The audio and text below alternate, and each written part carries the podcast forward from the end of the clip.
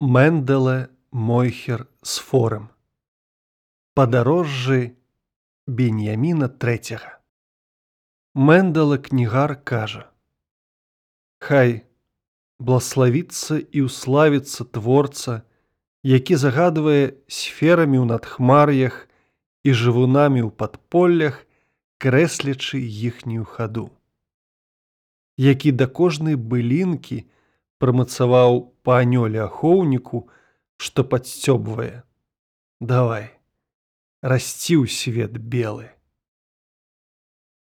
А як такая ласка насцігла расліну, Дык што ўжо казаць пра чалавецтва і чалавека, а канкрэтней пра чалавека нашага.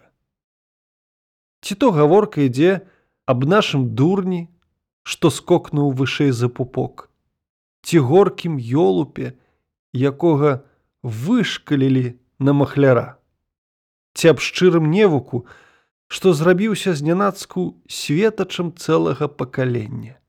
Яго, будьце пэўныя, у свой час таксама пляснуў крылом анёл, схіліўшы стаць тым, кім той ёсць цяпер.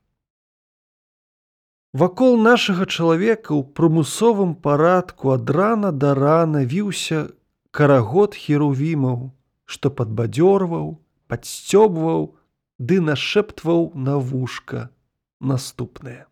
Вылазь ты, абібок з балота. Але не гэта і я хацеў сказаць.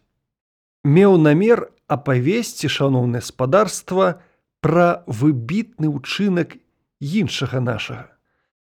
Узяў ён ногі ў руки і пакіраваў да далёкіх краёў, што ляжаць па-за межамі гор змроку, ды здабыў сваімі падарожжамі міжнародную славу і сусветную вядомасць. Уся прэса Англіі ды нямметчыны летась бразгатала аб фантастычных адкрыццях, што зрабіў беньямін. Гэты рэч паспалітаўскі яўрэйчык падчас сваёй неймавернай вандроўкі ў краіны ўсходу. Здурнець можна, пісалі газяцёнкі. Не ўзбаімся гэтага слова сенсацыя, шаноўныя геры і джентльмены. Уявіце, ветрам падшыты чалавек, у якога ані механізмаў, ані прыладаў, адно торба за плячыма і псалтыр пад пахай, трапіў уласнымі пяткамі ў такія мясціны, куды не ступаў бот брытанскіх першаадкрывальнікаў. Цяперака глобус дакладна чакаюць кардынальныя пертурбацыі.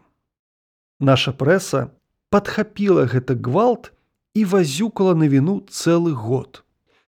Лічыла, парадкавала ўсіх мудрацоў ад часоў Адама да нашых дзён, каб данесці, які ж мы ўсё-ткі разумны і перадавы народ. Пана выцягвала з далёкіх паліц стосы падарожнікаў, ад беньяміна тудэльскага да беньяміна другога, каб паводле адвечнай нашай завядзёнкі, змяшаць гэтых запыленых папярэднікаў з гразёй, каб сказаць: Гляньце, тыя іншыя, абы што, Хеўра гультаяватых шмэндрыкаў, што вылезлі за родны парог, адно каб лаўчэй было жабраваць па чужых хатах, бо побач з нашым нюмкам беньямінчыкам, праўдзівым экспедытарам яны, не раўнуючы малпа побач з чалавекам. Пасля газетчыкі нараілі чытачам набыць ягоныя мемуары, зборнікі, падарожныя кніжыцы і зацягнулі асанну. Нічога падобнага вы яшчэ не чыталі. І вось ужо зусім на астатак прыпячаталі. Блаславёны будзе той, хто гэтыя пярліны і дыяменты, дарэчы, перакладзены ўжо на ўсе магчымыя замежныя мовы, перастворыць на нашу матчыну бо добра і нашаму чалавеку душу падперці, пакаштаваць зборце ў мятку, які нашай жа пчолкай і зроблены. І тут я, мэндалы кнігар, які ўсё жыццё увіхаюся на ніве бескарыслівага прынашэння карысці, запаліўся гарачым жаданнем. Пакуль наш братка літаратар у якога руки таўсцейшыя за мае ногі, прачухаецца, прадзярэ вочы ад летаргічнага сну і перакладзе падарожжы Беньяміна, абдарыўшы чытачоў поўным зборам твораў вельмі шаноўнага падарожніка, тым часам я, не мудруючы надта, нашрайбаваў кароткі пераказ. Падпярэзаўся сваёй зброяй, як даўнейшы дзяцюк перад бітвай. Дарма што старые ўжо корч, не пра вас кажучы і дастаўшы ўсе гэтыя пажыўныя і прыдатныя для нашых людзей скарбы, апавёў пра падарожжы на нашай мове, у нашай манеры. Нібыта святы дух пляснуў мне па плячы і загадаў: Вылазь мэндалы з-за печкі.